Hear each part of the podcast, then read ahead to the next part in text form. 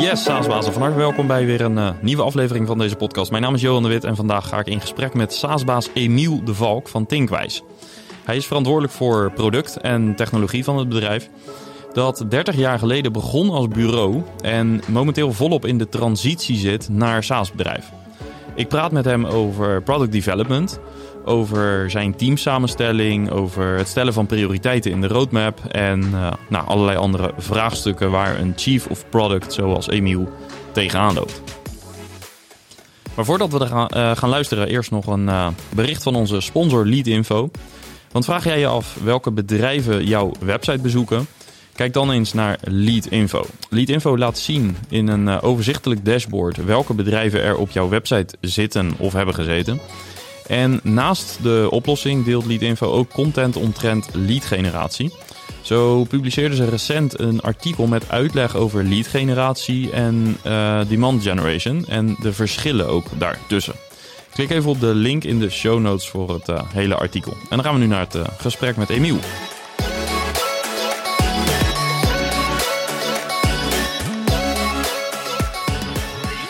Ja, Emiel, van harte welkom. Dankjewel. Leuk dat je op zo'n korte termijn uh, tijd kon maken. Want ik zou eigenlijk met je collega spreken, maar uh, die heeft een belangrijke pitch, dus schrijf, uh, schrijf jij aan. Precies. Um, dank daarvoor. Um, we gaan het hebben over jullie business, Thinkwijs, en met name ook de pivots die jullie hebben gemaakt de afgelopen jaren. maar misschien goed om eerst even een beeld te schetsen van wie jullie zijn en dan met name welk probleem lossen jullie op en wie zijn een beetje jullie klanten. Ja. Uh, nou, mijn naam is Emiel de Valk. Ik ben uh, verantwoordelijk voor technologie en product binnen Thinkwise. Thinkwise bouwt blended academies voor snel groeiende bedrijven. En die hebben over het algemeen een te klein HR-team, hoewel iedereen dat eigenlijk uh, zich daar wel mee identificeert. En blended academies zijn eigenlijk um, is dat een digitaal platform waarbij je training faciliteert. Dus um, zowel de uh, de offline component, waarin mensen bij elkaar komen om van elkaar en met elkaar te leren. Maar ook met name de online component. Dus snel content kunnen, kunnen uh, maken, maar ook toetsingsmechanismen, spelvormen, dat soort dingen allemaal eigenlijk in een, in een trainingscontext te plaatsen. Ja, en sinds wanneer zijn jullie dat, het, het blended gedeelte? Want ik zou zeggen, het komt vanuit e-learning volgens mij. Ja, sterker, Thinkwise bestaat eigenlijk al heel lang en heeft een aantal um, transformaties doorgemaakt, zullen we maar zeggen. Um, vroeger, toen digitaal leren begon, ging dat nog op hele andere manieren. Met uh, diskettes en CD-ROMs uh, distribueren en dat soort zaken. En uh, op een gegeven moment werd dat e-learning. En ja, nu een aantal stappen verder is zelfs e-learning een beetje een vieze term in onze industrie aan het worden. En gaat het eigenlijk veel meer over leren op je werkplek. Uh, uh, met van elkaar leren in, in jouw flow of work, zeg maar. En ehm, hebben we zeker sinds de COVID-crisis een beetje achter ons is, ook eigenlijk weer een grote terugkeer naar we moeten ook met elkaar en samen dingen doen en daar van elkaar leren. En daar komt eigenlijk dat, met name dat blended stuk vandaan. Ja, oké. Okay, dus jullie hebben je, jezelf een paar keer opnieuw moeten uitvinden. 30 Absoluut. jaar geleden ongeveer begonnen als bureau, hè? Ja, dat ja. klopt. Ja. ja. Sterker nog, het was zelfs een communicatiebureau destijds. Ik zat er overigens niet bij. Dat is een, een aantal iteraties verder, zeg maar. En uh, ja, is heel erg een projectenbureau geweest eigenlijk tot een aantal jaren geleden. Pak een beetje 2018 zijn we um, ja, begonnen eigenlijk met een transformatie naar een softwarebedrijf. met professionele dienstverlening daarbovenop. Ja, en, en wat dreef die beslissing? Een aantal dingen. Kijk, voor mij, ik was eigenlijk altijd een uh, softwarebedrijf. Ik heb altijd software uh, gemaakt met uh, goede ontwikkelaars om mij heen. Ook vanuit je eigen agency, hè? Vanuit mijn, destijds mijn andere agency, inderdaad. En vanuit Thinkwise, dus de manier waarop wij in gesprek raakten, ging het eigenlijk over dat je elke keer, bewijs van spreken, in een projectsetting, ben je elke keer een inlogscherm aan het ontwerpen. En ze zagen ook destijds heel erg dat je in een project, zeg maar, aan het begin zat een heel conceptueel stuk en er zat er heel veel druk op een project zelf. En dat eindigde uiteindelijk bij op de laatste dag leveren de techniek op. En de gedachte was heel erg, dat moeten we eigenlijk omdraaien. Je moet vanaf dag één de, de technologie en het uh, distributiemechanisme hebben. En dan kan je de rest van de tijd veel meer steken in goede inhoud. Ja, en uh, wat, heeft, wat is de impact geweest op de klanten die jullie hebben? Want zijn, is dat ook veranderd of hielpen jullie altijd al een beetje type klant wat jullie nu helpen? Um, het type klant is wel degelijk veranderd. Je had uh, vroeger uh, zat het meer in de, de grote bedrijven die ook dus grote opleidingsbudgetten hadden. En we zien ook met onze focus natuurlijk dat het veel meer gaat richting organisaties die eigenlijk de eerste stap in ja, digitaal leren of blended learning moeten zetten. Ja. Um, wij kiezen er in die zin ook expliciet voor om te richten op groeibedrijven die dat transformatieproces doorgaan nu. Um, waarbij de uh, directeur niet meer op een kistje kan klimmen, zeg maar, om het verhaal te vertellen. Dus het op een andere manier moet. Waar je in één keer honderd of honderden mensen moet aannemen. En welk probleem kom je dan tegen, zeg maar, in je inwerkproces? Ja. En dus daar zijn we ons heel erg op gaan richten in zekere zin. Ja, um, nu heb je het over een aantal pivots sinds uh, 30 jaar ongeveer was het volgens mij. Hè? Mm -hmm. um, bij welke pivot, bij welk moment ben jij ongeveer ingestapt? In tijd en ook in situatie? Het is voor mij een beetje lastig te beoordelen hoeveel exacte pivots er voor mijn periode waren. Uh, mijn reis uh, met Thinkwise is eigenlijk in 2018 begonnen. Eigenlijk iets eerder, want we deden een project samen. Dus mijn oude bedrijfje, die, die ook software bouwde, die deed destijds een project met Thinkwise. En we merkten heel erg dat er een overeenkomstige filosofie over leren en samen dingen doen was. En dat je dat met technologie veel leuker en mooier kan aanbieden. Uh, die reis is in 2018 begonnen. En welke rol heb je toen aangenomen? Wij zijn eigenlijk gaan samenwerken. En dat wil zeggen, we hebben um, um, mijn bedrijf en Thinkwise. Thinkwise probeerde eigenlijk intern productontwikkeling te doen. Nou, binnen een projectorganisatie is dat best wel een pittige uitdaging. Dan word je toch uh, geleid door de waan van de dag, het grote project wat nu toch af moet. De klant gaat altijd voor. De klant gaat voor. ja. En uh, daarbij heb je onvoldoende um, uh, uh, eigenlijk veiligheid en ruimte om echt een product op te bouwen. Dus wij zijn ehm, dat eigenlijk gaan verzelfstandigen. Dus mijn bedrijf samen met de, de kennis en kunde van Thinkwise hebben we in een joint venture gestopt. Um, dat heette Thinkwise Stamkracht, mijn bedrijf Thinkwise samen. En we hebben daar eigenlijk in een aantal jaren um, geleerd van de problematiek die die projecten met zich meebracht. En tegelijkertijd zijn we van onderaf aan gaan standaardiseren. En hebben we op die manier eigenlijk een, een product en een ecosysteem daaronder opgebouwd. En, en wat deed dat? Want, want, hoe kwam dat product dan tot stand? Want jullie hadden zelf een product ontwikkeld, maar Thinkwise had ook al een product. Ja, klopt. Uh, hoe hebben jullie dat samengevoegd? Of, of uh, ja, hoe heeft dat eruit gezien? Nou, we zijn eigenlijk gaan kijken naar wat is nou de grootste uitdaging die, die uh, je hebt als bureau, als Thinkwise. We hebben een, een grote naam in onze industrie in ieder geval. Um, veel vergelijkbare uitdagingen veel leerspecialisten, dus didactische professionals die echt goede inhoud kunnen maken, goed een probleem ook kunnen analyseren en eigenlijk omzetten in trainingsmateriaal. En uh, wij merkten dat ze als bureau meer een content management probleem hadden dan een, um, uh, een, een softwareontwikkelingsplatformsprobleem. Dus we mm-hmm. zijn eigenlijk eerst dat content management stuk gaan oppakken. Mm-hmm. Nou, dat noemen we dan een content builder. En daar konden we eigenlijk de verschillende projecttypes die ze deden, uh, op datzelfde content management stuk aanbieden. Maar zij waren nog steeds wel verantwoordelijk voor de inhoud. Zij maakten nog steeds de inhoud. Ja. En, ja. en, en uh, fast forward naar vandaag. Uh, welke verhouding is dat vandaag? Dus welke verhouding heb, heb, is, is nu zeg maar omzet van diensten en omzet uit, uit product? Ja, uit we zitten midden in die veranderingen. Um, dus het lijkt dit jaar te eindigen op orde grootte 35, 40 procent is abonnementsomzet. En de rest is professionele dienstverlening daarbovenop. Um, en daarbij moet je ook zien dat we voor de, de meeste bedrijven die wij helpen, um, die hebben te maken met af en toe uh, tekorten, zoals je in de hele industrie hebt, zeg maar. En uh, wij proberen ook de flexibele schil een beetje te zijn voor dat soort organisaties. Dus als zij een acute leeruitdaging hebben of eventjes moeten versnellen op een bepaald onderwerp, omdat dat essentieel is voor hun uh, operatie, dan schakelen we daarin bij. Ja. En dat doen we met verschillende klantteams in Nederland en in België. En die klantteams die zijn eigenlijk een vast contact. Een beetje customer success zou je het kunnen zeggen, maar dan wat intensiever. Uh, vast contact van die uh, organisaties die ja, in een uh, leeruitdaging zitten. Ja, en als we dan nog een beetje vooruitkijken, drie, vier, vijf jaar. Ja. Um, hoe zie, ja, heb je dan nog steeds dit soort teams? Of zijn jullie volledig SaaS over vijf jaar?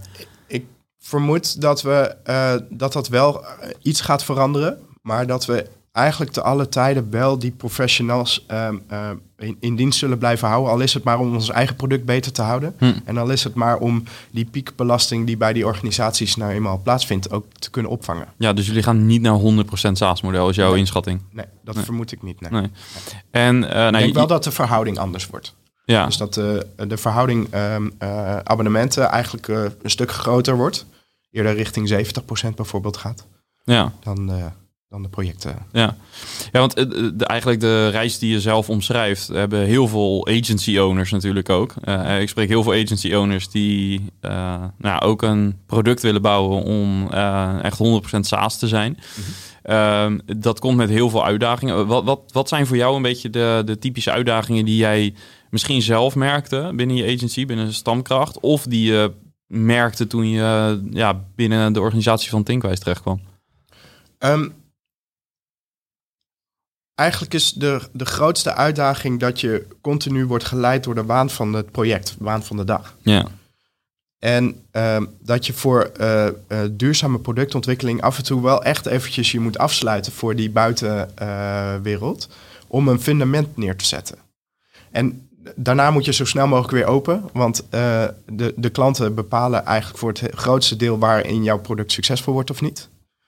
Um, maar die veiligheid, ik denk dat dat voor ons een, een, uh, en het, dus het afsplitsen van het bedrijf in een joint venture, om daar in eerste instantie goed, uh, uh, goede basis neer te leggen. Ik denk dat dat de meest cruciale stap is die wij goed hebben gedaan. Ja, dus zou dat ook je advies zijn naar agencies die zelf intern met hun uh, developers die ook voor klanten werken, bijvoorbeeld één dag in de week vrijmaken om een product te ontwikkelen. Ja. Uh, zou je advies ook zijn om uh, min of meer van dat model af te stappen en om te zeggen van neem echt een dedicated team aan wat alleen daar, daarmee bezig is? Ja, ik denk dat dat een belangrijk is. En uh, een type product owner, product manager persoon die heel erg gewend is aan het nee kunnen zeggen en dat op een goede manier kunnen doen, zeg maar. Dus wat wij zelf bijvoorbeeld hebben gedaan om ook de, de verschillende stromen van feedback te kanaliseren is... Uh, uiteraard heb je zelf een visie op je product en waar dat naartoe moet. Uh, dat noemen we dan meestal een roadmap. Um, uh, die evolueert, dus elke maand veranderen daar dingen in op basis van wat je ziet in data en zo. Maar we zijn eigenlijk daarnaast een aantal, wij noemen dat crusades, op gaan zetten. En die komen vanuit de verschillende disciplines. Dus we hebben voor customer service hebben we een crusade, voor sales hebben we een crusade, voor delivery, wat bij ons dan een uh, zijn die klantenteams, daar hebben we een crusade voor. Integrations hebben we een crusade voor. En dat zijn eigenlijk een, een soort verzamelbakken met allerlei verbeteringen die er in het product kunnen plaatsvinden. En er is één gouden regel binnen die crusades. Ze moeten geprioriteerd zijn van nummertje 1 tot en met 100.000. Ja. Whatever. Ja. En uh, we leggen de verantwoordelijkheid voor die prioritisering, die leggen wij neer bij de Crusader. En dat is eigenlijk iemand die vanuit zijn of haar discipline, zeg maar, goed weet wat de uitdaging is op zo'n specifieke uh, ja, discipline. Ja. Um, gevolg daarvan is eigenlijk dat we in de, uh, de productiteraties die we doen, elke keer kijken naar die verschillende crusades en daar een goede mix van de verschillende belangen eigenlijk beetpakken. Um, de, de klantenkant, die was ik nog vergeten te, te noemen in die Crusaders list. Daar hebben we dan een product portal voor. Daar highlighten we bepaalde ideeën die wij vinden dat, uh, dat waardevolle input zijn van klanten. Zij kunnen daar zelf ook ideeën bijdragen. En het belangrijkste daar is eigenlijk dat we proberen een, een stukje democratisering in besluitvorming uh, uh, te stoppen. Dus dat wil zeggen, zij kunnen hun stemmen uitbrengen op bepaalde uh, gehighlighte ideeën en die worden dan ook feitelijk gerealiseerd. Ja, en, en wat is jouw rol daarin als uh, Chief of Product en Technology? Maar vooral um, in je rol als Chief of Product, denk ik. Ik hou me in mijn dagelijks uh, werk het meeste bezig met um, toch het ons deel van de productvisie en het ritme bepalen van die crusaders en uh, uh, dat soort zaken. Ik heb gelukkig een team om me heen die dat nee zeggen ondertussen op een hele goede manier beheersen. Dus die het grootste deel van de, de communicatie met die, met die crusades en met klanten uh, voor hun rekening nemen.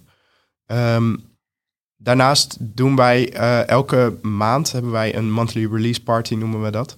Wat eigenlijk een soort webinar is, exclusief voor klanten, waarin we de productiteraties eigenlijk toelichten, maar ook feedback verzamelen op de dingen die we op dat moment hebben uitgebracht. Ja. En uh, dat, ja, dat host ik ook. Ja, en, en waarom hebben jullie voor dit model gekozen? Is dit iets wat jullie ook zelf hebben ontwikkeld in huis? Want ik heb dit nog nooit eerder gehoord. Ik heb heel veel termen voorbij horen komen, maar deze nog niet. Ja, het is eigenlijk op basis van gezond verstand, zou ik willen zeggen. Uh, dus over tijd is het een beetje zo geëvalueerd. Um, als je een beetje de theorie bekijkt, dan gaat het wel over hoe kanaliseer je verschillende feedbackstromen in, in één portal. Hoe maak je daar op basis van eh, KPI's en belangrijke objectives uh, de juiste besluit over wat, wat ik nu ga bouwen. Wat wij heel belangrijk vonden, is dat we die verschillende stakeholders in zo'n productontwikkelingsstuk dat we die echt een significante stem geven, maar tegelijkertijd het proces wel bewaken. Dus dat we er wel voor zorgen dat we elke twee weken een nieuwe release hebben. Elke maand met die klanten spreken en ze ook iets te bieden hebben, cadeautjes geven. Uh, dat het product ook op die manier uh, met diezelfde heartbeat blijft vernieuwen. En uh, ik, ja, dat is een beetje door schade en schande. Ik kan het zeker bedrijven die een, zo'n transformatie doorgaan aanraden om op die manier een op zijn, ja, op zijn minst die heartbeat erin aan te brengen. Ja, en maar welke rol uh, vervangt het? Of, of, want wat mist er zeg maar binnen een beetje de, nou, de normale Scrum methodiek bijvoorbeeld, waar de product owner een deel van deze rol volgens mij invult? Mm, ik denk niet dat er heel erg veel mist. Uh, het is meer hoe ga je om met uh, zes verschillende uh, ja, type feedback die je verzamelt tot, tot één sprint, om zo maar te zeggen. Ja.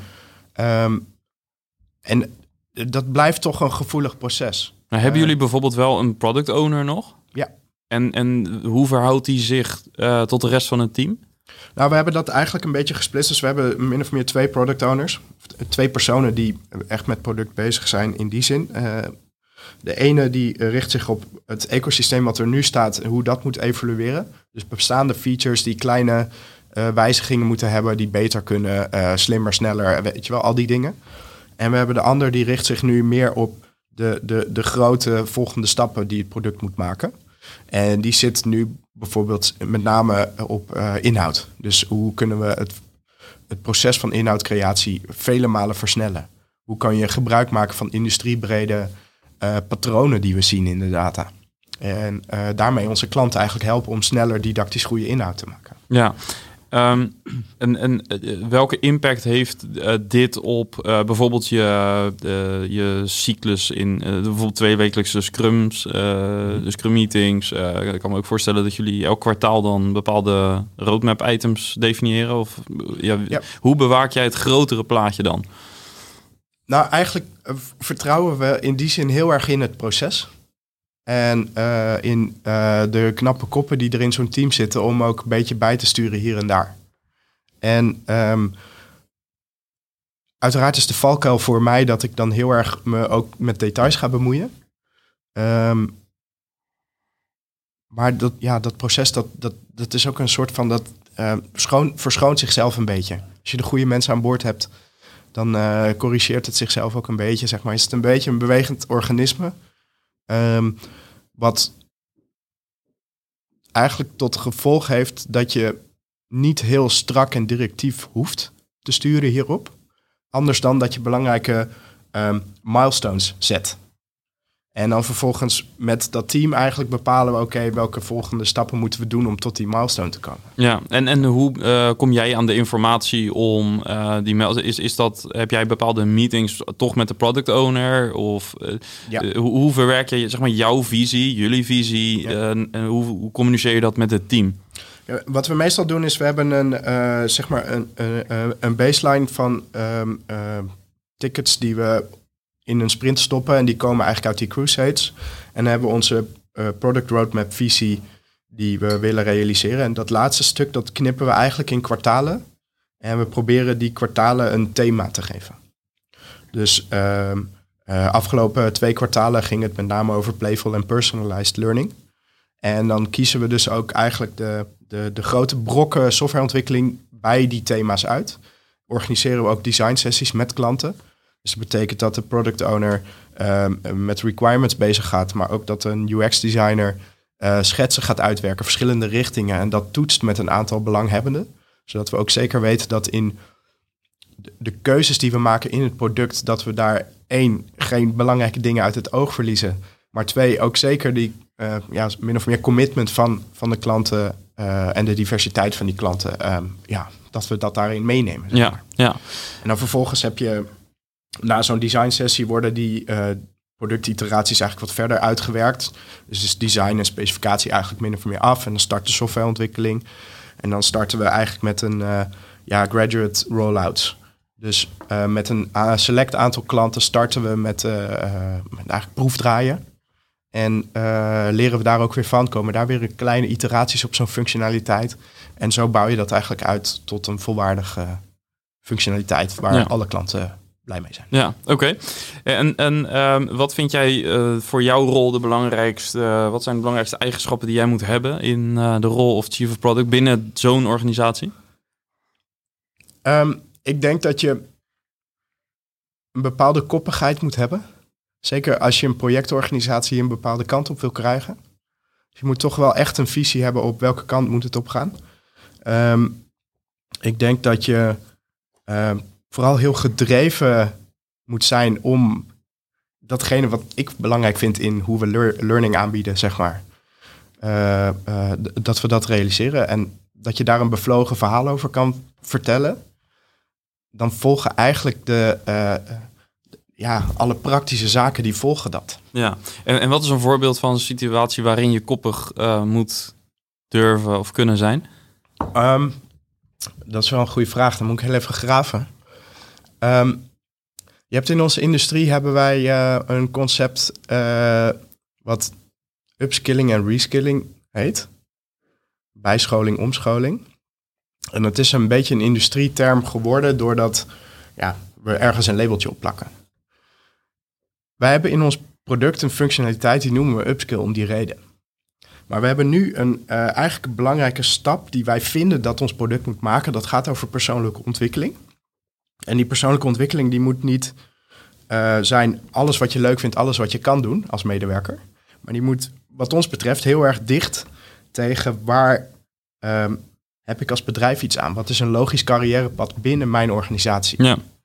En dan vind ik dat het niet upskill moet heten, want dat is te breed. Het moet, in dit geval, wij gaan het introduceren als level up. Eh, het is een, een speelse functionaliteit die heel erg gaat over hoe kan ik beter of breder eh, georiënteerd worden binnen de rol die ik nu heb. Hoe kan ik van een, eh, laten we zeggen, een een winkelmedewerker van een retailorganisatie richting store manager.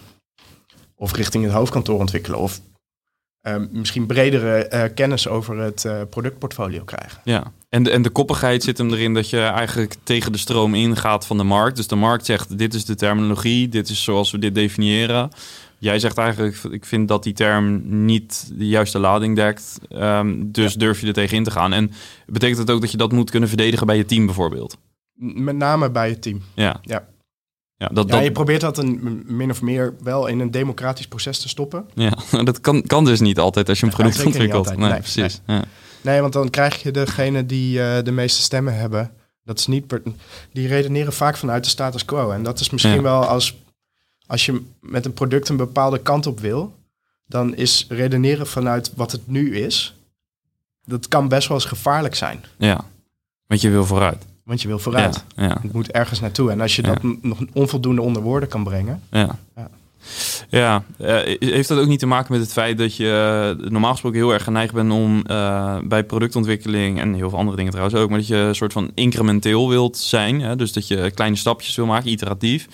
Ehm, terwijl je misschien soms in jouw rol als chief of product, waarbij je ook wellicht iets disruptievers wil doen, dat je niet incrementeel moet denken, maar dat je misschien wel een stip op de horizon moet zetten. Over drie jaar vinden wij dat dit het moet zijn. En dat je vandaar gaat werken. Is, is er, heeft dat er ook mee te maken? Want ik zie deze struggle bij meer eh, ja, chief of products of product managers. Ja. Ehm, Ja, het is een beetje kort dansen. Hè? Dus je hebt aan de ene kant, ja, je moet daarheen. Tegelijkertijd, als je nu de winkel dichtgooit, dan overleef je het als bedrijf misschien niet. Nee, Omdat je onvoldoende, I don't know, eh, met je eigen huidige klanten bezig bent. ja. En product management of product ownership gaat eigenlijk altijd over het balanceren van die belangen. ja, dus je eigen visie versus klantfeedback. Die klant Ja. weet misschien nog niet helemaal waar de markt naartoe gaat en jij denkt dat wel te weten. Aan de andere kant moet die klant wel de functionaliteit krijgen of eigenlijk de oplossing krijgen die ze, die ze zelf ook willen. Ja, dus en ik- die balans vinden. Mijn, mijn vermoeden, ik denk, ik zie nu dat we daar een nette balans in hebben gevonden. Dat we voldoende blijven innoveren aan de ene kant en voldoende echt wel eh, opvolging geven aan de waardevolle feedback die we krijgen. Ja, Dat we ook de dingen die ze zeggen, een idee wat ze ergens posten, binnen één of twee maanden in het product zit. ja, Afhankelijk van hoe groot zo'n feedback of een nieuw idee is natuurlijk. ja. Ja, je liet net ook even vallen, hè? dus je hebt je productvisie, wat zich vaak vertaalt in een roadmap. Maar hebben jullie ook echt een productvisie gedefinieerd? Bijvoorbeeld een canvas, wat er vaak voor gebruikt wordt, of een A4'tje waarin je in ieder geval beschrijft, nou, dit is de visie voor het product. Of, of is dat meer wendbaar, dat, je, dat, dat het echt jullie backlog is? Ehm, wij zijn daar wel ooit mee begonnen. Maar het is niet zo dat dat in een beeld te vangen is. En, en de woorden die je ergens voor gebruikt, die evolueren ook een beetje. Zoals dat upskill, wat dan nu level up gaat heten. Ja, dat is iets wat je over tijd toch wel ziet veranderen. Ja, Ik denk op het moment dat je nu zou opschrijven wat de productvisie is die we over een paar jaar hanteren, dat we daarmee wel richting bepalen, maar dat het niet realistisch is dat we precies daar uitkomen. dus hoe, hoe ver kijk je vooruit? Wij doen meestal ehm 1, 2 jaar orde grootte. Ja. En naarmate het dichterbij komt, wordt het natuurlijk veel concreter. ja, dus dat zijn die kwartalen waar je het over had Ja. bijvoorbeeld. Ja. Ja. En dan weer sprints. Ja, ja. Zeker. Oké. Ehm, welke impact heeft zeg maar, die, de, de- de- deze hele doorlopende transitie ge- gehad ehm, op jullie hele teamsamenstelling? Dus hebben jullie tijdens dit soort pivots ook ehm, ja, het, het teams moeten veranderen, herstructureren, nieuwe rollen moeten definiëren? Eh, ja, zeker. Kijk, in het oude, de oude samenstelling van Thinkwise, ik noem het even de Mhm. oude samenstelling, omdat het nu anders is natuurlijk. ehm, had je in die teams ook veel meer eh, eh, conceptuele denkers en creatieven zitten. Had je softwareontwikkeling, wat eigenlijk een groter onderdeel was. Wat ook wel eens eh, uitbesteed werd. Dus waar externe agencies met softwareontwikkelaars voor werden ingehuurd. En was dat dan voor capaciteit of voor kennis? Meestal voor capaciteit. Oké. Ehm, het- die rollen die zijn met name veranderd. Wat we nu zien is eigenlijk, we hebben productontwikkeling in die zin wel eh, enigszins ehm, eh, eh, geïsoleerd. Ook nadat we het weer hebben samengevoegd, zeg maar, heb je het productteam bestaat uit infrastructuurmensen, platformontwikkeling en dat noemen wij dan ook weer product, maar dat gaat eigenlijk over contentontwikkeling, release notes schrijven, voorbereiden van webinars, voorbereiden van nieuwe functionaliteit. Dat die, de niet-technische kant van productontwikkeling zit Ja. daar eigenlijk in.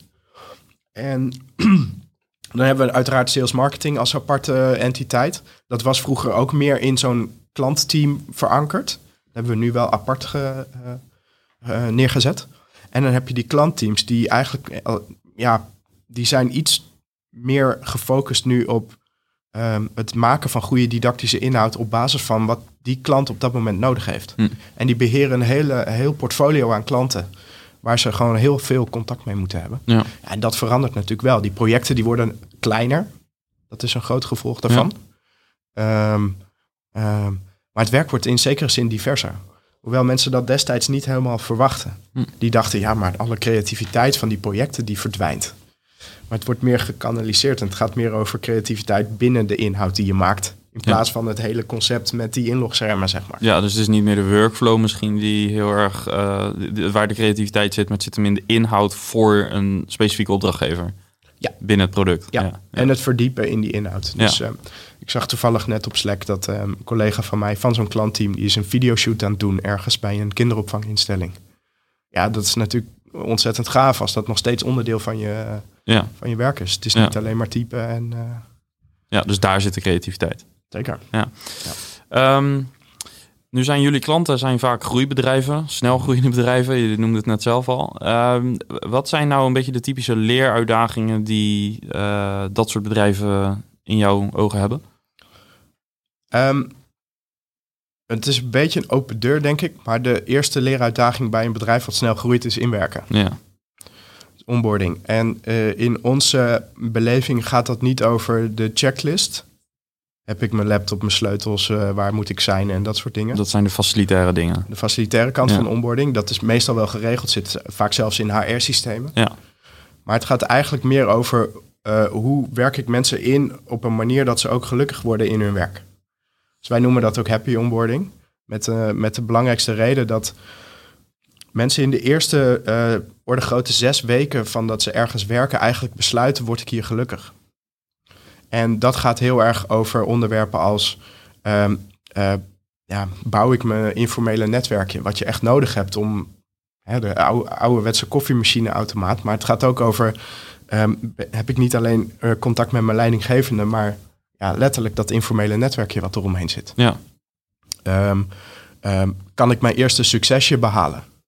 Dus het gaat over dat je door hebt hoe het moet, of in ieder geval je kan lezen hoe het moet. Maar de eerste keer dat iets lukt, dat is een, een verslavingsdingetje. Dat is een prikkel die maakt dat je in je werk gelukkig wordt. Ja, een beetje het aha-moment wat je bij software zou moeten hebben. ja. Exact, ja. ja. En het zijn dat soort onderwerpen die goede onboarding goed maken. En die ervoor zorgen dat mensen ook langer bij je blijven. En die ervoor zorgen dat je op de een of andere manier uh, de, de, de verandering van cultuur door uh, uh, de founder die een mooi verhaal vertelt, kan omzetten in ja, een, een cultuur die ook wordt geademd door de rest van het bedrijf. En die in, in die groeifase, zeg maar, via andere kanalen eigenlijk doorgegeven moet worden. Ja, wat die schaalbare bedrijven nodig hebben. Ja. Dat hebben ze absoluut nodig. Ja, ja. Uh, tweede groot onderdeel is, um, en daar maken wij ons best wel hard voor, um, essentiële training. Dus wij noemen dat uh, de vitale kennis en, en de, de vaardigheden die jou, jou als bedrijf uniek maken. Dus de meeste van die bedrijven die zijn succesvol voor een reden. Me meestal een beetje disruptief in hun marktsegment zelfs. En uh, het uitdragen van die succesformule, waarom zij dingen doen, de manier waarop ze dat doen. Wat is er cruciaal aan de manier waarop bijvoorbeeld Rituals zijn producten verkoopt? Dat is essentiële training. En dat gaat dus niet over een algemene cursus mindfulness of dingen die je ergens via LinkedIn Learning of dat soort platforms kan inkopen. Dat is iets wat cruciaal is voor dat bedrijf. Bedrijf specifiek, het, het, DNA. Ja, ja, ja, waar het DNA van het bedrijf inderdaad doorspreekt. Ja. Um, dus daar helpen we ze ook vaak bij. Daar zitten wel um, standaard, gestandaardiseerde dingen in. Dus uh, een softwarebedrijf heeft altijd te maken met cybersecurity. Ja. Dus dat soort onderwerpen is cruciale training voor een bedrijf wat software doet. Um, uh, klantintimiteit, dat soort dingen hebben bij retailers uh, ook altijd wel een, een rol, zeg maar. Um, maar het gaat niet over de inhoud die ik absoluut kan inkopen ergens. En zomaar over al mijn medewerkers uit kan spreiden. Ja. Is dit ook niet een beetje de reden dat jullie ja, bijna vastzitten aan die consultancy? Omdat als je als, als, als, ik kan me voorstellen dat ze bij Rituals inmiddels een team hebben wat verantwoordelijk is voor onboarding. Of dat binnen HR is of misschien zelfs wel een dedicated afdeling. Mm -hmm. um, maar jullie zullen niet voor niets die service blijven bieden. Want zij, zijn zij er zelf, niet specifiek Rituals hoor, maar zijn jullie klanten er over het algemeen zelf niet toe in staat om uh, dat DNA, die leerinhoud op papier te krijgen? Nou, wat we eigenlijk doen is, uh, bij elke implementatie um, uh, stellen we de L&D of HR-afdeling, een beetje afhankelijk van hoe groot het bedrijf is, stellen we in staat om zelf die essentiële inhoud te maken. Met, met training, onboarding in het programma zelf, dat soort zaken. Een low touch eigenlijk. Uh, low touch training vorm. Um, en daarnaast bieden we ze zogenaamde uh, blueprints voor essentiële onderwerpen zoals onboarding. Dus wij zeggen dan, oké, okay, deze set activiteiten, die kan je heel goed aanpassen naar jouw cultuur DNA. En daarmee heb je een effectievere manier van inwerken en zorg je ervoor dat mensen ja, sneller die, die, die softere kant van onboarding uh, goed geregeld hebben. Um, maar we blijven inderdaad altijd een vinger aan de pols houden en regelmatig contact houden, omdat die snelgroeiende bedrijven die veranderen zo hard dat ze ook elke keer weer een andere leeruitdaging hebben. Ja. En soms wel en soms geen extra handjes daarbij nodig hebben. Ja. Dus het is voor ons eigenlijk een fundamenteel onderdeel van het product om zo maar te zeggen. Ja, vandaar ook uh, je eerdere 70, 80 uh, ja, procent ja. ongeveer product. Ja. Um, tot slot, er lag hier een boek net op tafel. Um, Thinking Fast and Slow. Ja. En je moest een beetje lachen toen je het boek zag liggen. Je zei, daar heb ik zelfs een anekdote bij. Vertel. Zeker. we hebben binnen, binnen Thinkwise hebben we eh, een eh, aparte entiteit. Die heet Thinkwise Immersive. En eh, die richt zich echt op ervaringen waar je van leert. En ehm, eh, dat wordt ge- gerund door eh, eh, eh, Theo. En Theo die is fan van dit boek, Thinking Fast and Slow. En die richt eigenlijk zijn hele ehm, eh, eh, bedrijf op hoe brengen we dit in de praktijk? Hoe zorgen we ervoor dat we thinking fast en slow in training op een goede manier kunnen borgen? Ehm, en je moet je voorstellen, zij maken dingen als escape rooms, maar ook eh, eh, eh, digitale escape rooms, dus een virtuele wereld waar je puzzeltjes moet doen en zo. Maar ook situatietraining, waar, waar je eigenlijk door scenario's heen loopt en getraind wordt in fast decision making. En traditionele learning gaat eigenlijk in een heel groot gedeelte van de gevallen gaat het over de, de slow part of the brain, zeg maar, die je traint. Dus kennisopbouw, dat soort dingen. Maar we weten, zeker door dit boek, dat het grootste deel van de beslissingen die je neemt, die zijn split second. En eh, dat, die entiteit van dat bedrijf, die bouwt dus eigenlijk spellen, spelvormen, die specifiek gebouwd zijn op die snelle beslissingen ne- nemen. En ja, dat kan van alles zijn. We hebben ambulancemedewerkers die getraind worden Ja. in eh, eh, opgeschaalde zorg. Dus als er grote rampen ergens Ja. zijn, dan moeten zij op dat moment heel snel besluiten waar komt een noodhospitaal en allemaal dat soort dingen. Ja. En dat kunnen ze in scenario-based eh, training kunnen ze dat zeg maar eh, oefenen. Daar mag alles fout gaan. En ehm, zo train je dus dat, dat gedeelte van je brein. Ja. Ander eh, geval, en die is wat relevanter voor die groeibedrijven. Ehm, eh, in het onderwerp ethiek hebben wij een, een spel ontwikkeld door Theo. Dat heet de Dilemma Game. Waarbij je eh, een aantal dilemma's op je afgevuurd krijgt. En jij moet kiezen tussen links en rechts, goed of fout, eh, ja of nee antwoorden op een bepaalde medewerker die op je afkomt om een eh, mag ik vrij of niet. Dat soort dilemma's. En al die keuzes die je maakt, die hebben invloed op een aantal indicatoren. Ehm, dus dat kan gaan over ehm, eh, eh, eh, het is goed voor je budget, maar het is slecht voor je teammoreel. En de beslissingen die je neemt, die moet je dus onder tijdsdruk nemen. Daarmee oefen je ook als leidinggevende. Die hebben dus directe invloed op hoe jij als team performt. En daarmee train je ook weer die snelle beslissingen die je kan nemen, zeg maar. Ja. Kun je een voorbeeld uit jouw praktijk noemen? Eh, misschien wel waar we het net over hadden, product development, waarin je soms eh, terug moet denken aan de principes in dit boek. Poeh, dat vind ik lastig. Ehm, kijk, het productontwikkelingsdeel, dat hebben we natuurlijk eigenlijk op zo'n manier opgebouwd dat het niet meer over thinking fast gaat. Ja, je moet intuïtieve beslissingen durven nemen en die neem je onder, eh, onderaan de streep waarschijnlijk wel. Maar de- manier waarop zo'n proces is opgebouwd gaat eigenlijk niet over dat thinking Nee, fast part. nee, precies. eh, onderdeel. Je, Dus je- dat- die vind ik lastig om te beantwoorden. Ja, snap ik.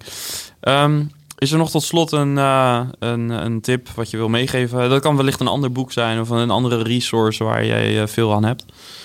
Ehm, voor degene die product management doen, eh, er is een, eh, een platform, een SaaS-bedrijf, Product Board. Ik weet niet of, eh, of Ja, jou het ja ik ken het. Ja, ja. Ehm, zij hebben een hele specifieke niche opgezocht. Zij hebben dat buitengewoon goed neergezet. En wij zweren erbij.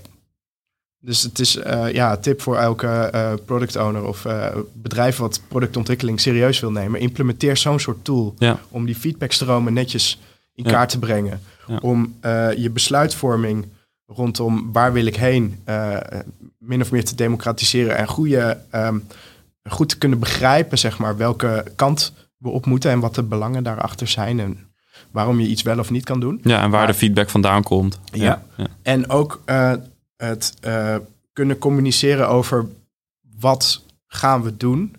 En daar ook weer die feedback loop zeg maar, van klanten op aansluiten. Ja, want even heel praktisch nog. Eh, jullie gebruiken de tool voor eh, customer feedback. Dus om inzicht te krijgen in wat ze willen. Maar jullie gebruiken het ook om terug te koppelen eh, over productbeslissingen. In jullie Ja. roadmap bijvoorbeeld. Ja, zeker. ja. Als we het nu toch over tools hebben. hebben we nog andere favoriete tools? Ik ben altijd benieuwd naar. Eh, Ehm, klantimplementaties doen wij met Monday. Dus meer het projectmanagement deel, zeg maar.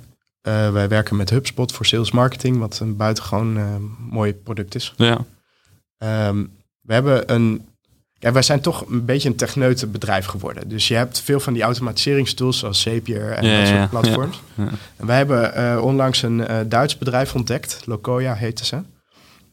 En die bieden eigenlijk de mogelijkheid om met iets meer code, dus het is een low-code oplossing, eigenlijk al die systemen aan elkaar te knopen.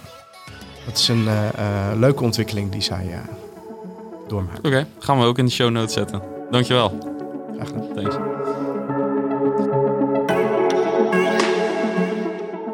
Yes, en kijk dus vooral ook even in de show notes voor de linkjes naar de resources eh, die Emiel noemde.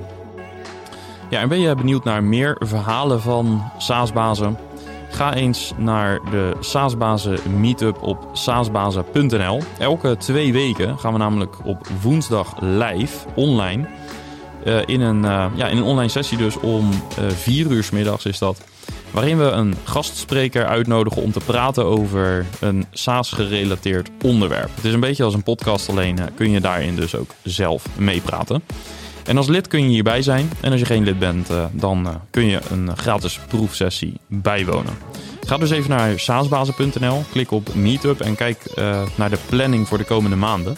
Onderwerpen die er onder andere aankomen zijn enterprise sales, scaling up, hoe bouw je een B2B sales team, eh, het werken met remote development teams gaan we het over hebben. We gaan het hebben binnenkort over cultuur, over finance en eh, ga zo maar door. Dus ga naar saasbazen.nl, klik op Meetup en bekijk de planning en eh, nou, woon eens een sessie bij.